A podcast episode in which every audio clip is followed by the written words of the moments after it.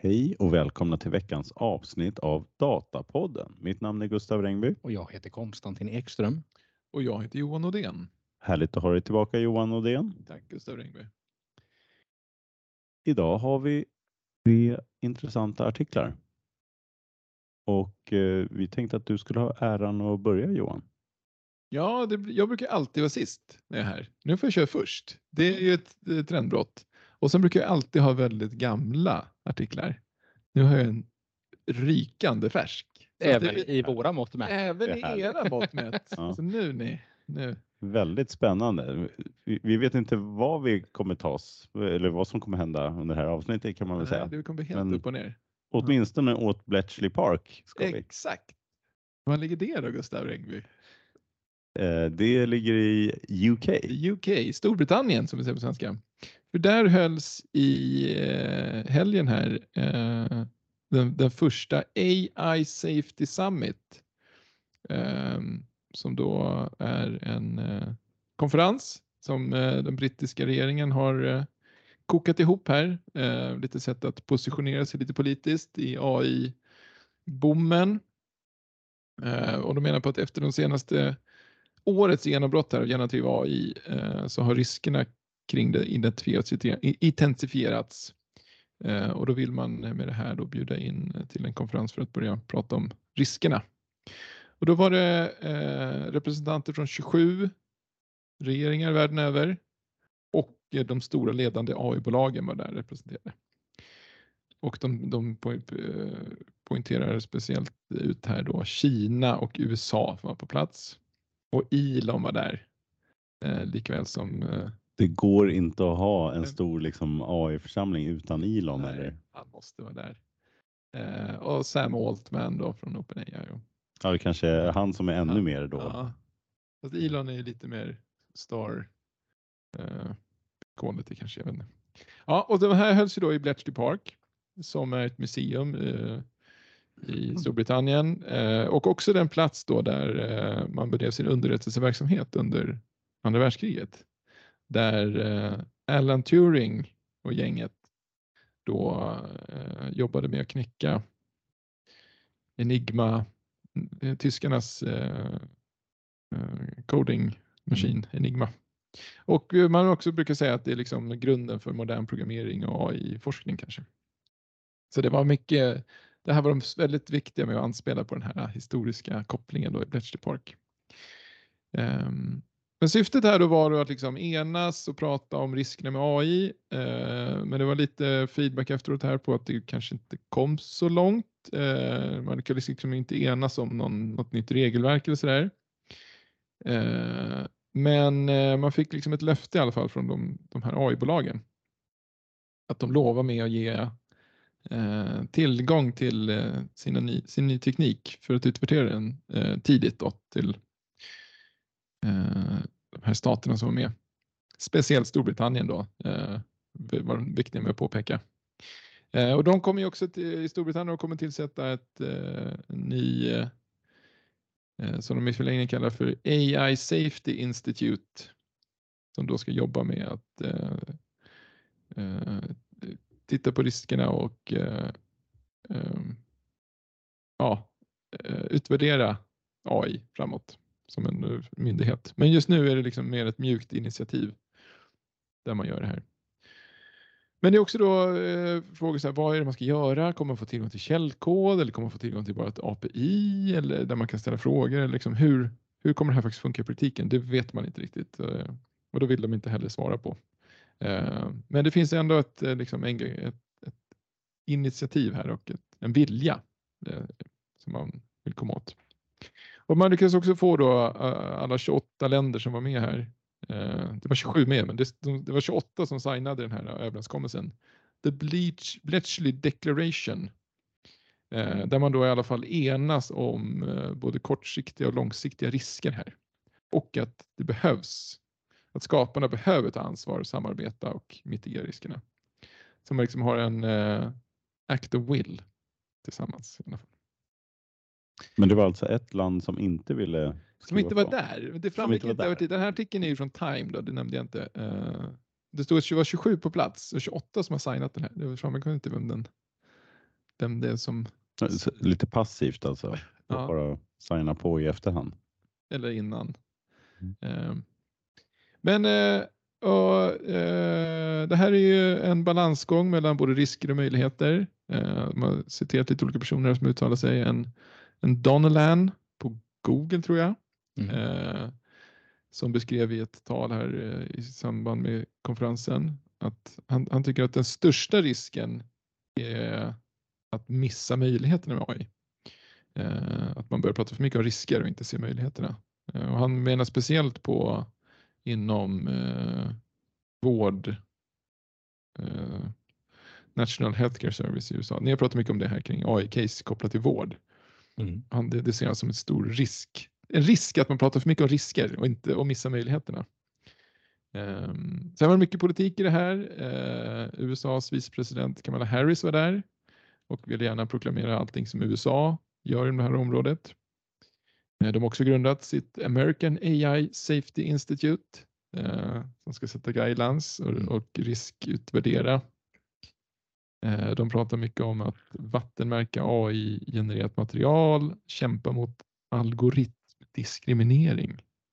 Det är en ny term här. Mm. Eh, Och president Biden signade en eh, executive order här förra veckan också i anslutning till det här. Som kräver att AI-bolag meddelar myndigheterna om de tränar potentiellt farliga AI-modeller. Ehm, Ja, i anslutning till det här så var det också lite demonstrationer i London, Eh, eller utanför här, Bletchley Park, eh, från eh, de här Paus AI som var på tapeten i våras med sitt öppna brev om att pausa AI-utveckling.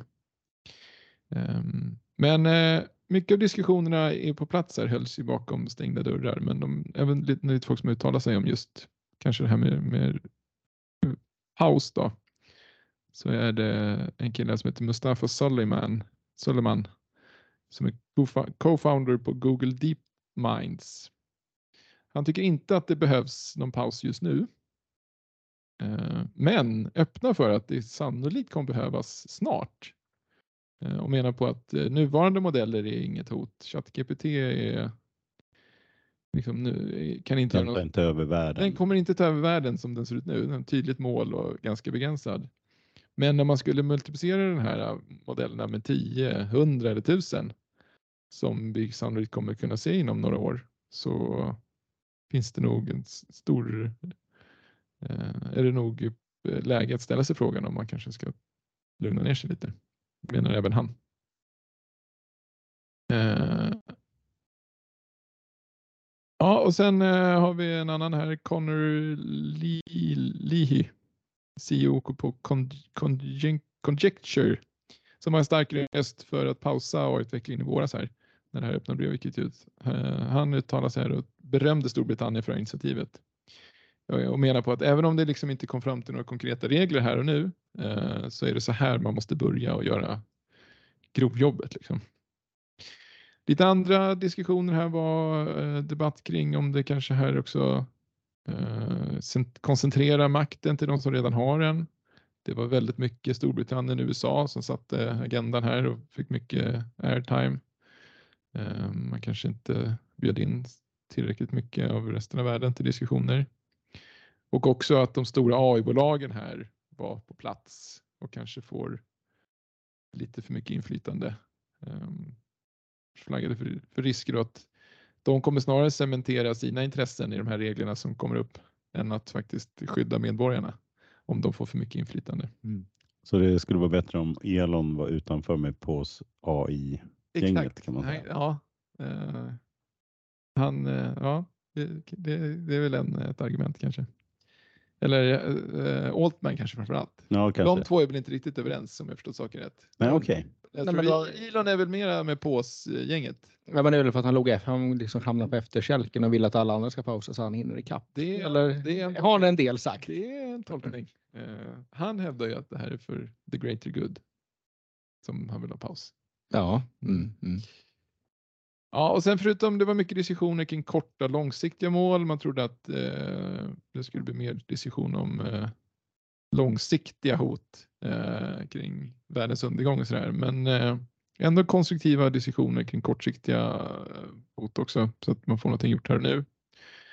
Eh, sen kopplar de även in här diskussionen om open source kontra proprietär kod blir en del av det här också som, som liksom jackar i eh, riskdiskussionen.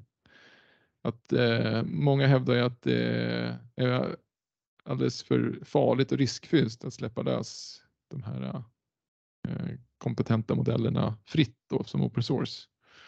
Och därför borde de ligga eh, liksom inlåsta hos proprietärt hos bolag. Medan open source-anhängarna då hävdar att det, det är också ri stora risker med att ha det här i vinstdrivande bolag. Att open source eh, communityn skulle kunna hjälpa till mycket mer i att accelerera säkerhetsarbetet. Så det är en ständig diskussion också. Sen så avslutar de den här artikeln lite roligt med den här symboliken kring Bletchley Park som de väldigt gärna anspelade på. Att det var där eh, det stora jobbet gjordes under, eh, under andra världskriget för att liksom, skydda den fria världen mot det ex, externa hotet. Ehm, men eh, de menar på här också att om, om den här, eh, det här jobbet nu med, med AI-reglering skulle misslyckas så finns det en bit, bitter undersymbolik här att de här, eh, det, den myndigheten som, som jobbade i Bletchley Park med underrättelse under andra världskriget blev ju sen Storbritanniens underrättelsetjänst framåt som har jobbat ganska hårt tillsammans med sin amerikanska motsvarighet kring att försöka inskränka människors eh, integritet och rättigheter genom massövervakning. Och, Ja. eh, så att, eh, ja, det är, hur man än gör så finns det, hur det än blir, så finns det intressant symbolik i botten här. Mm.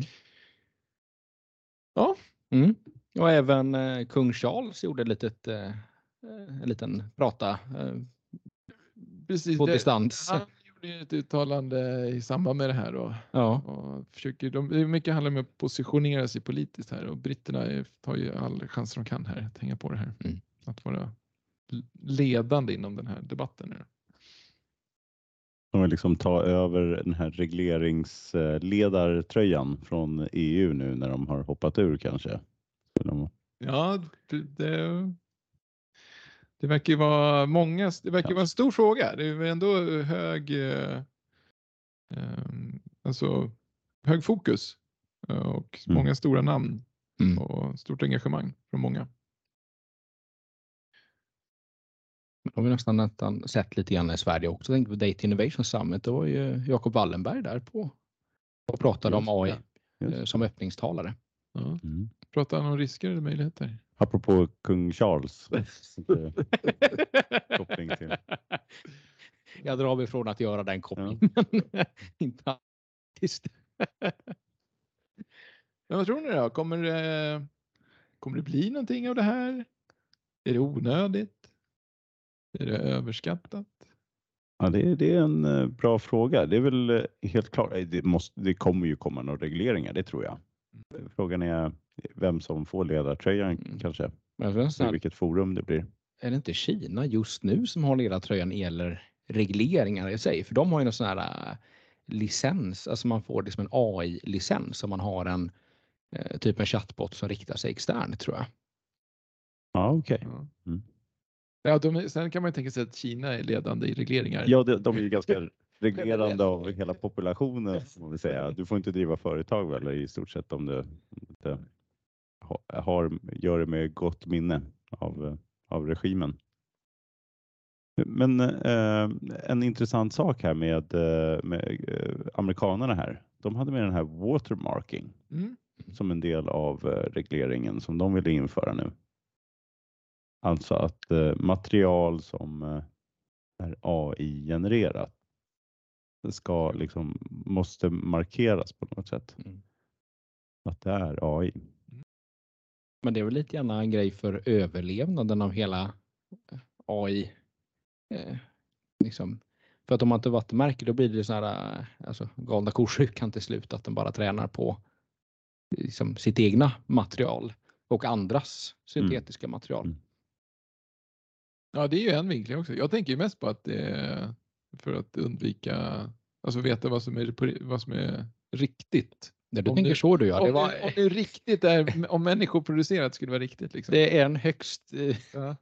Men det, valid åsikt här. Man kan säga liksom, Johan, din, eh, din liksom perspektiv är för att vi ska liksom eh, kunna lita på information. ja. Medan du, tänk, du Konstantin, du tänker på de stackars algoritmernas väl och ve här. ja, men de måste ju tänka på dem också. Ja, precis. De har ju också rättigheter. Mm. Nej, sen, sen så, jag, jag funderar på här, de tog upp i den här artikeln sådär, ja, men eh, är det vid tio gånger starkare algoritmer eller modeller, är det då de blir, kan bli farliga? Eller är det hundra gånger eller är det tusen gånger? De pratar lite om det här i artikeln, hur det, ja men när är det? Inte just nu. Det, kan man, det kunde de konstatera att det kommer inte bli liksom den här, på den nivån det ligger nu. Vad är det? Är det 400 miljarder neuroner eller något sånt där som är GPT 4? Ja, ja, jag kommer inte ihåg riktigt i huvudet nu. Men Mm. den är inte tillräcklig. Nej. Så då är frågan så här, när går gränsen när den blir riktigt farlig då? då? Ja, precis, när, när den skulle kunna bli. det är Ja, väl det som är frågan. Ehm, men, och det tror jag han den här, det var väl han Mustafa på Google, DeepMinds, eh, som eh, trodde att det skulle ske inom en femårsperiod. Mm. Ja, det är ju ganska snart. Det är ju ganska snart. Mm. Ja. Och då pratar han ju om upp till hundra gånger. Mm. Eller tusen gånger. Mm. Och vad är det han skulle kunna göra som är så himla farligt? Ja, det var det. Ja, precis. spekulation. Artik- Artikeln säger ju ingenting om de faktiska riskerna. Nej. Den, den, det upp- upphandlar inte den här artikeln. Nej, Det kanske precis. har ni haft det i något nummer? Nej, vi kanske får ha med något så här när vi får diskutera lite, vad, vad är det, AI singularitet, liksom när den börjar eh, Mm. få en eget liv, så att Ja. säga, bygga si, sitt eget eh, medvetande större och större och ta över helt enkelt. Det är det- det kanske vi får- risk. Ja, Man kan ju får man tipsa om andra poddar? ja absolut. Eh. Max Stegmark hade ju ett sommarprat Ja, Mm. om eh, det här. Han var väldigt domedags eh, så. Så man kan lyssna på om man vill höra riskerna med AI. ja det, det, Var inte han på den här konferensen också? Ja, Men, ja, precis. Han var ju, Max Stegmark var just en stark, eh, stort namn i det här brevet som gick ut i våras. ja, men jag tror han var på den här konferensen. Han också. kan säkert ha varit här. Ja. Eh, det kan han säkert ha varit. Det är hans, ja, det är hans agenda det här tror jag. Mm. Nej, men, samtidigt har man ju att de här liksom, modellerna börjar bli väldigt dyra och liksom tillverka och, och sådär. Det kanske finns någon liten naturlig reglering här också, att man inte behöver så stora Modeller. Precis. Jag om man har läste lite tur. en annan artikel i veckan om eh, eh, elkonsumtion kopplat till AI-modeller. Ja, Eh, Det är någon som har gjort en uppskattning på att eh, nuvarande, eh, om man ser till liksom de, och räknar på de chippen som Nvidia producerar, Mm. vilket ju är mycket, väldigt mycket det som används i de här, så är man uppe i liksom att AI-modeller kräver lika mycket el som eh, Sverige Mm. om man skulle räkna på att alla används. så de här hjulrimmen som, som jag ber AI om, och, och, de är Ja. väldigt dyra egentligen, rent Det elmässigt. kan nog vara så. kan man säga. Det kan Mm. vi också prata om vid något tillfälle kanske. Ja, Mm. försöker jag förstå. Men inte typ samma nivå som typ bitcoin. Det är också sådär Mm. typ Sveriges elförbrukning ungefär och sånt där. Kanske samma chip. Det kan vara samma chip som Mm. används. Ska vi gå vidare då? Jaha. Nu, nu har vi pratat lite om hur man ska reglera det här, men vi måste ju också få nyttan. Och nu har vi ju lite speciellt här, för nu har vi två spännande business case här. Mm. Vad, vad ska man göra med den här äh, generativa AI? En bra fråga, men det har vi snart svar på. Ja, Mm. Konstantin, du börjar. Ja, alltså vi har ju tittat på Gartners Hype Cycle här nu ett par gånger. Jag tror vi kommenterat den också ytterligare ett par gånger. Jag tänkte kommentera den en gång till. Börja med det. Eh, för där har vi sett att generativ AI liksom är på toppen av hypen. Och vi kommenterat lite grann att vi kanske bör förvänta oss att se riktiga use case framöver. Eh, och om man följer liksom bara tittar visuellt på hypecykeln, hur den är strukturerad, så borde vi se ett litet svalnande intresse och kanske rent av besvikelser här framöver. Men eh, på Gunnebo Eh, så är varken svalnande intresse eller besvikelser i sikte. Eh, Gunnebo, ja det är ju ett, ett svenskt globalt företag inom säkerhetslösningar. Eh, många av oss i Stockholmsområdet i alla fall använder faktiskt Gunnebos produkter i vardagen utan att tänka riktigt på det. Jag tänker nämligen på de här tunnelbanespärrarna som finns. De är signerade Gunnebo. Och med huvudkontor i Göteborg så verkar Gunnebo i 24 länder, 10 produktionsanläggningar och över 3500 anställda. Och eh, betjänar sina kunder på över 100 marknader. Så det är ett ganska stort bolag det här. Eh, Björn Tore Nostdal är DevOps-ingenjör på, eller DevOps Innovation Manager på Gunnebo. Han inleder artikeln med att säga på Gunnebo är vårt uppdrag enkelt. Att hålla dina värdesaker och liv säkra vid alla tider. Och som global ledare inom säkerhetslösningar och tjänster så känner vi ansvaret att hålla våra kunder och deras ägodelar säkra. Och det gör vi med den bästa tillgängliga tekniken, säger han. Och det är nog en liten en devis som Gunnebo arbetat efter i flera decennier. Och nyligen så kulminerar den här användningen då i användning av chatt av GPT-4 på Azure. Som då ett sätt att förbättra logganalys och därmed driva effektivitet. Han säger här att i min 25-åriga karriär så har jag sett många tekniska disruptions komma till liv. Eh, Internet of Things var en av dem. Sen kom molnet, maskinlärning, artificiell intelligens. Eh, men inget har varit så banbrytande som GPT-modeller, säger han. Och under de senaste tre åren så har Gunnebo gjort en molnresa där de totalt omstrukturerat större delen av programutbudet och gjort det moln, eh, molnbaserat. molnbaserat. Eh, då. Och detta har i sin tur då banat väg för nya möjligheter och främst då användningen inom AI. Eh, många av Gunnebos produkter är utrustade med programvara som genererar loggar. Det handlar om enhetens prestanda, händelser och, och så vidare. Men utmaningen här, säger han, eh, Nordsdal, är att analysera själva datan. Han säger att vi har mycket kunniga ingenjörer som arbetar för oss, men logganalys är tråkig, lång och komplex Eh, och det är då endast ett fåtal personer som kan utföra detta. Så han säger då att det fanns vissa flaskhalsar inom organisationen eh, för att göra detta effektivt. Då. Ehm, och det ledde dem då till Microsoft och Azure OpenAI Service. Och när Gunnebo vände sig till Microsoft för att eh, få stöd med implementationen så var deras begäran ganska enkel, eh, sa en här. En lösning som skulle möjliggöra snabbare och mer effektiv logganalys av deras enheter. Ehm, de började ju för ett litet tag sedan här med den modell som var tillgänglig då när de började eh, och som bäst uppfyllde kraven var, chatt, eh, var GPT 3,5 Turbo. Jag har aldrig hört turbo förut här. Det låter lite som en Saab 9-5 turbo. Ehm, men detta är också den som är då känd som ChatGPT. Och den visar sig då ha egentligen en överraskande förmåga i att extrahera mycket information eh, från ganska lite sammanhang. Men det fanns vissa utmaningar eh, och då återkomma speciellt då till hallucination. Att den börjar liksom hitta på lite grejer och det, det kanske inte alltid är jätteönskvärt. Eh, Jag säger att detta ändå är ganska välkänt problem med många språkproblem att det här eh, fenomenet finns. Ehm, och de löste detta med, i samråd med Microsoft då genom att eh, in, gå över till GPT-4.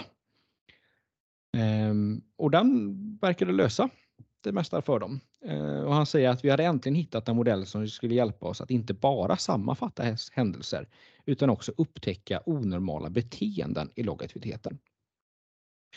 Så hur ser då själva lösningen ut? De flesta av Gunnebos produkter genererar data eh, och eh, de samlas in då på tre huvudsakliga sätt. Telemetri med användning av Azure IoT Hub, Eh, råa loggfiler med hjälp av Azure Functions och information från mobila appar via Azure Application Insights. Och datan som samlas in ehm, transformeras sedan med Data Factory för att göra den då eh, enhetlig och standardiserad. Och härefter så kommer då GPT-4 in i bilden. Och här har de då skapat en webbaserad applikation som gör att de kan eh, visa de råa loggfilerna eh, och analysera dem med GPT-4 i form av en chatbot. Och ingenjörerna får då sedan en kort och lättförståelig sammanfattning av logghändelserna. Eh, det verkar även som att eh, svenska ingenjörer kunde analysera tyska loggfiler nu också i och med att det kanske blir lite mer språkoberoende så att det behöver inte vara en tysk som tittade på det. Eh, en avgörande framgångsfaktor här. Eh, det, det, har varit att, att de har lyckats föda den här modellen då med konsekvent och kvalitativ data. Man säger att de har spenderat de senaste två åren med att samla in eh, så mycket data som möjligt från 10 till 15 olika produkter inom deras moln. Och resultatet då? Ja, eh, tidigare skulle det ta en ingenjör åtminstone ett par timmar att analysera logginformation från de enheter de har.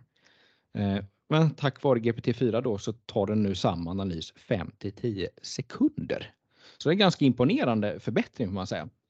Verkligen. Eh, och på kundsidan så innebär det att eh, det blir lättare att övervaka, använda och underhålla. Och ska därmed också bättra säkerheten. Och sen avslutas artikeln här med, eh, med att, att sammanfatta då att eh, logganalys är bara första steget.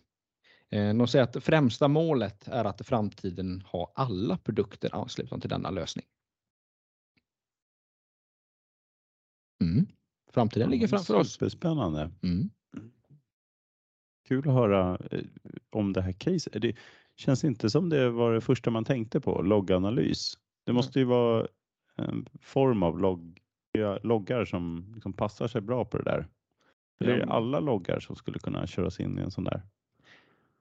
Man tänker att det ändå är liksom ganska en del text, alltså just att det är text och ganska Ja. stora mängder och Mm. kunna liksom, jag menar om det ramlar in tusentals olika meddelanden, hur ska man liksom sålla? Om Mm. man har någon eh, ja, manuell gruppering först och så där och så har man eh, kanske inte tänkt på att men det finns ju liksom en nivå till eller liksom en kategori till som kanske hamnar på adder eller av Ja. misstag eh, eller omedvetet hamnar i någon annan kategori så man kanske inte riktigt ser det. Mm. Ja, väldigt spännande. Mm. Här, här diskuterar de också att de eh, hade kommit fram till att de behövde pro- prompt engineers framåt här nu. Just det. Apropå, eh, jag tror vi har pratat lite fram och tillbaka här om prompt engineers eh, liksom vara eller icke vara. Mm. Men här är det ett reellt behov av att faktiskt ha personer som kan hantera den här då och, och, och chatta med den i stort sett och pre, preppa den kanske också. Eh, Jag skulle kunna repetera lite gärna prompt engineers. Är det, liksom, är det med träningen att göra eller är det mer att de är liksom duktiga på att få ut saker ur en Ja, det var en bra fråga. Jag vet inte, jag, eh, definitionsmässigt tror jag att jag tolkar det som att eh, det kanske är någon typ av preppning i alla fall. Va? Mm. För vem som helst ska väl kunna konsumera det, men jag vet inte. Jag tolkar det- det som att det är den som konsumerar det. Mm. Du blir duktig Ja, på okej. det. Så att Mm. de här logging-analytikerna i det här fallet behöver bli bättre på att prata med chattbotten Mm. och förstå hur de ska fråga och vad de ska fråga Mm. och hur de ska tolka svaren. Mm. Vad kallar man den som konfigurerar då? Är det inte Data scientist, är det data scientist som gör det? tänker jag. Ja, kanske. Eller? Ja, vi- får ta upp eh, någon eh, sån engineer. Ja, vi Mm. får ta upp en sån prompt engineering eh, definition här. Mm. Det finns väl lite artiklar om det. Mm. Det är väl jättebra. Men jag hörde nog apropå liksom prompten, så hörde jag någon som berättade för något tag sedan att eh, de testat lite olika eh, eh, personer på ett bolag då, vilka som liksom kunde använda chattbotten bäst.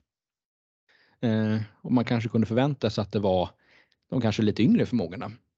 Eh, men att det faktiskt var de som kanske var lite mer seniora eh, faktiskt som hade liksom de visste vad de ville få ut och kanske hade förmågan att liksom formulera sig eh, för att få ut det.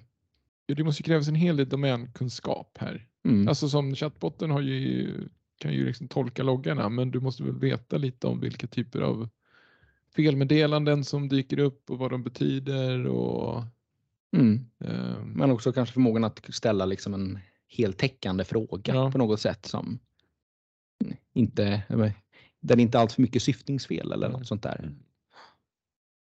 Jag tror ni de kommer lyckas eh, framåt här då? Om det här var första utcaset, kommer det gå lika lätt nästa? Du pratade om nästa var produkt, vad sa du att de skulle göra härnäst? Och inför Som inte alla system. Det Ja, var väldigt allt. generellt. allt. säga. Det blev väl spännande att se. Någonting mer borde de ju dra nytta av i alla Mm. fall. Kanske det, skulle vara intressant att se hur, hur de kan ko- koppla på uh, någon kvalitetsdata om de har något sånt också. Gunnebo. Ja, just det. Men de pratar om vad det är temperaturmätningar på kassaskåp och grejer så att det, det, det verkar finnas otroligt mycket, mycket data som, som man kunde samla in. Ska vi gå vidare Ja. till eh, nästa case då? Mm.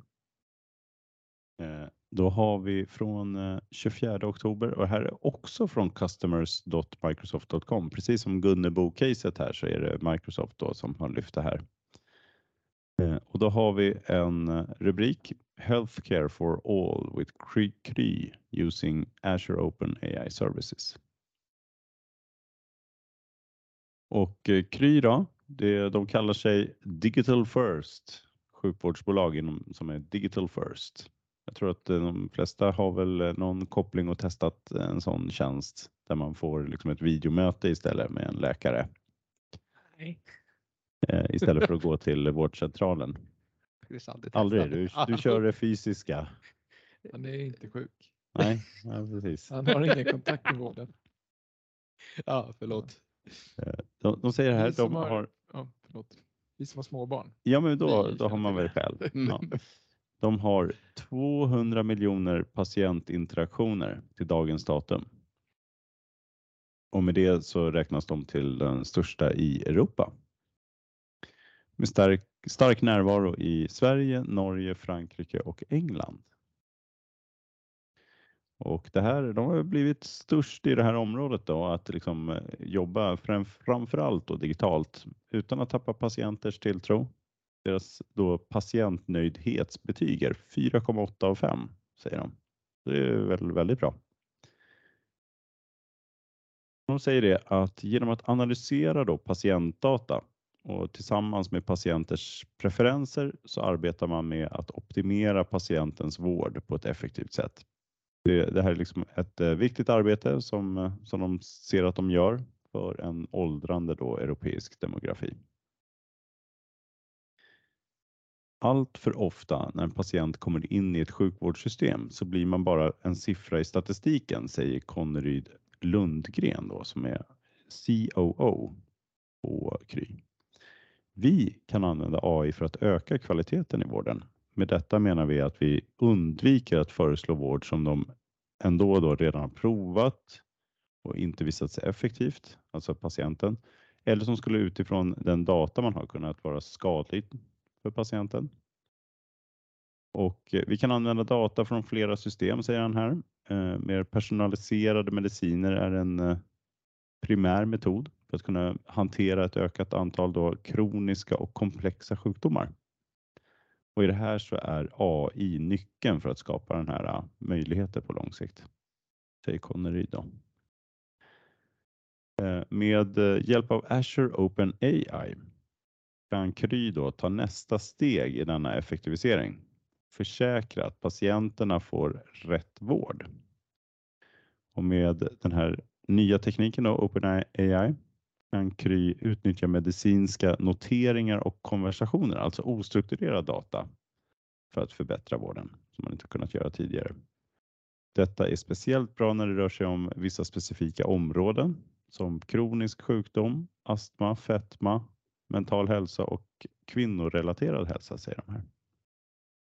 Så ger de som ett exempel här då på fetma, där man vill få en viss del av patienten att gå ner i vikt och då behöver man ha en kombination av klinisk och psykologisk stöd tillsammans med livstidsråd, givet då individens behov. Och denna typ av då, digital eh, först preventiv vård kan hålla människor vid hälsa längre med en minimal kostnad av sjukvård från sjukhus då, om man ser till så att det här funkar bra och får, får personer att förändra sitt beteende då. Eh, och vidare så säger de här också att ja, men många läkare vittnar om att deras arbete kan vara mycket krävande och stressande. Byråkratin och administrationen som man ska ta hand om är en av punkterna som kan skapa onödig stress. Och det här är ju då nästa område då för att utnyttja Gen AI-tekniken då. För här kan man arbeta med att eh, automatisera byråkratin och så sätt minimera arbetet då med det för läkarna. Conny fortsätter här. Som läkare förstår jag pressen vårdpersonal utsätts för. Administrationsbördan tillsammans med dålig teknikstöd leder till stress och frustration som skulle kunna undvikas. AI hjälper till att förenkla och snabba på en hel del av den tidskrävande pappersarbetet. Vårt arbete är fortfarande i ett tidigt skede, skede men eh, läkarna är mycket glada med potentialen vi ser. Och vad är det potential de ser då? Som vi ser det nu så är målet att AI ska öka vårdens produktivitet med 20 för oss innebär detta att vi kan hantera 10 000 patientmöten extra varje månad. Det är en rejäl summa. Fortsätter här lite kring eh, förtroendet då. Och de eh, ser ju det här som en, ett eh, någonting som man måste angripa då. Att använda AI då kan man, tappar man förtroende hos patienter. Då ser de här att det är viktigt att eh, AI, när de använder den så ska de använda det transparent eh, för patienterna så att de förstår vad som händer med den här AI när det har använts. Och så säger de det att det, det ska alltid vara en läkare som håller i spakarna. Någon eh, människa som håller i spakarna och är ansvarig i slutändan. 20 procent. Det här är alltså Kry som ser det. Mm. För deras eh, sjukvård. Det är ju en enorm siffra får man säga. Verkligen. 10 000. 10 000 patientmöten extra på samma då eh, personal i Europa, antar vi då? Alltså deras, hela deras marknad? Ja, men det måste vara för hela marknaden. Då.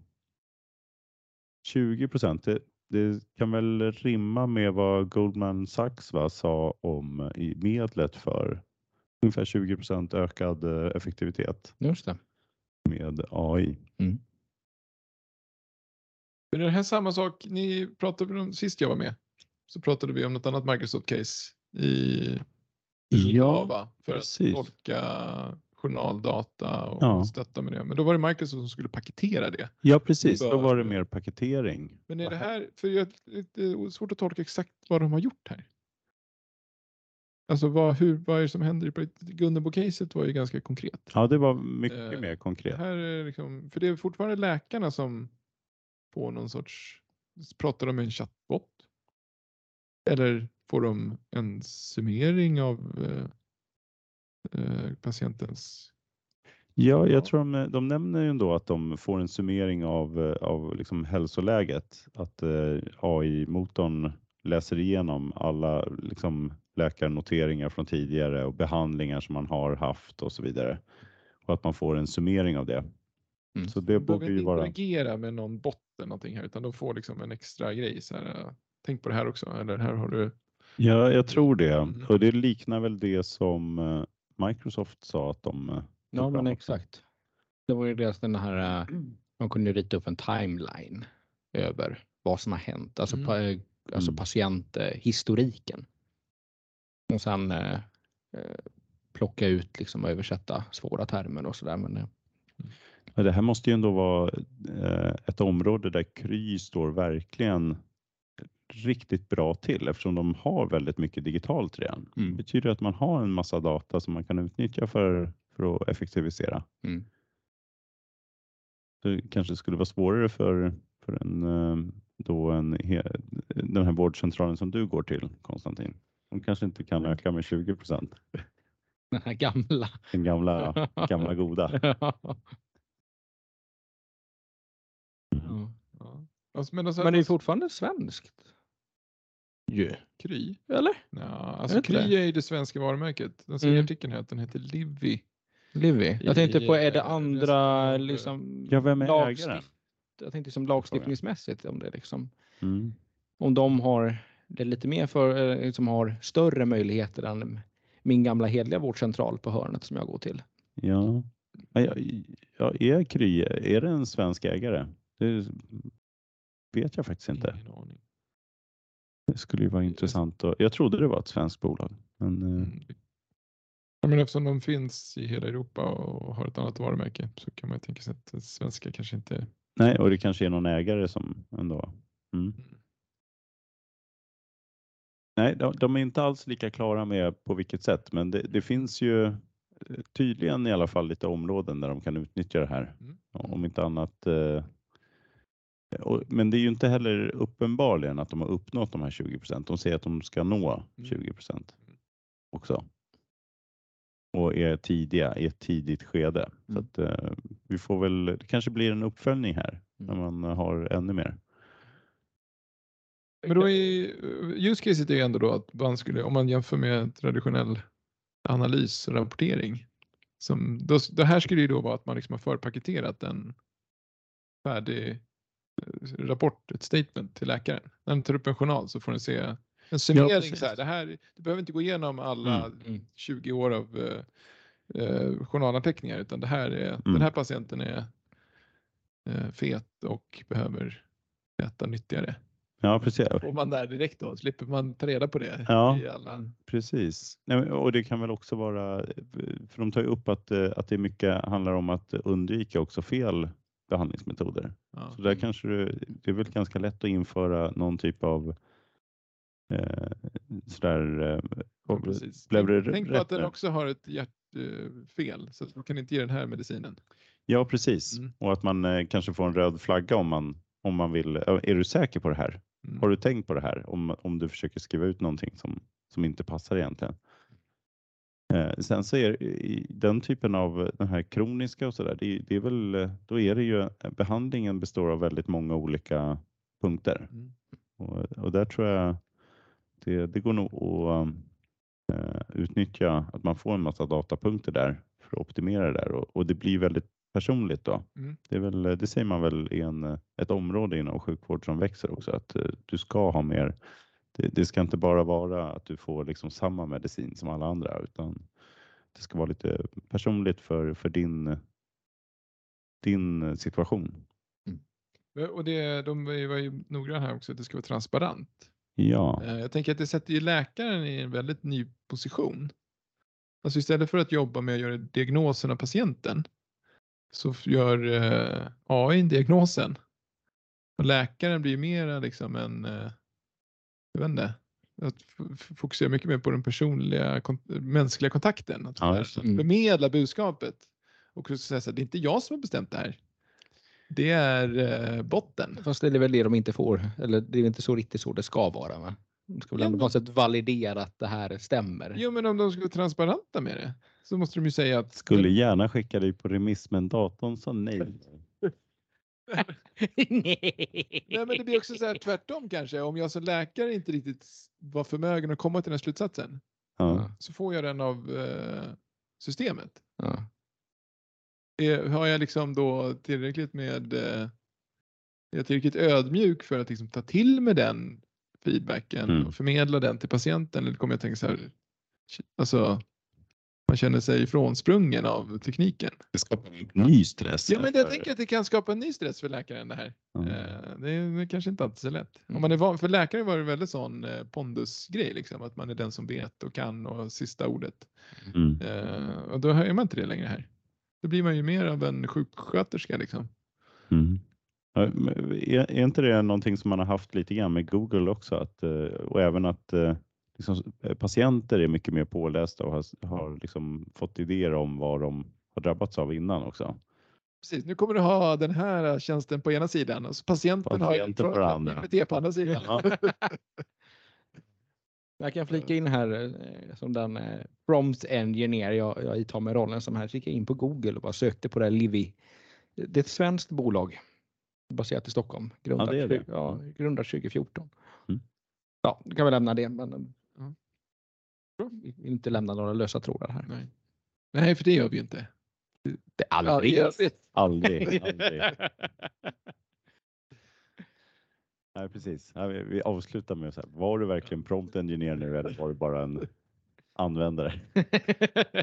Exakt. Ja, men det är intressant att se två uh, use case. Ja. Eh, båda av eh, OpenAI Ja, precis. på Azure-plattan. här. Mm. Precis, och vi lär ju få se många fler framåt. Men eh, det, det är lite extra kul att få att ta upp de här. eh, Det är, liksom, eh, det, det är väl första vågen här som kommer nästan. Mm. Som har utnyttjat de här teknikerna och testat lite. Glöm Men vi- inte riskerna Gustav. Precis Mm. innan AI tar över och här kanske du har caset då att den, vi hade det, hallucinationer i Jag hallucinera logg- diagnoser. Mm. Men tänk Ja, också på att det är också en risk att tänka på risk. Ja, precis. Ja. Det var ju också. Mm. Då missar man de här casen. Precis.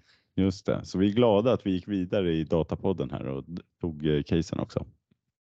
Men nästa vecka så då tror jag nästan vi får eh, lova att det inte bara blir, eh, det här blir lite mjukare program. Men då blir det nog tillbaka lite, får vi gå lite djupare och Men ta då någon är det också Datapodden on tour. Det stämmer. Det kanske blir eh, verkligen eh, att vi får hålla oss till väldigt enkla ämnen. Så där. Då kör vi på engelska till och med. Så vi får se hur vi överlever och hoppas att eh, de som lyssnar överlever det också. Spännande. Vi ses nästa vecka. Ja, men det gör vi. Ha Tack det gott. så mycket. Tack, Hej då. tack. Hej då. Hej då.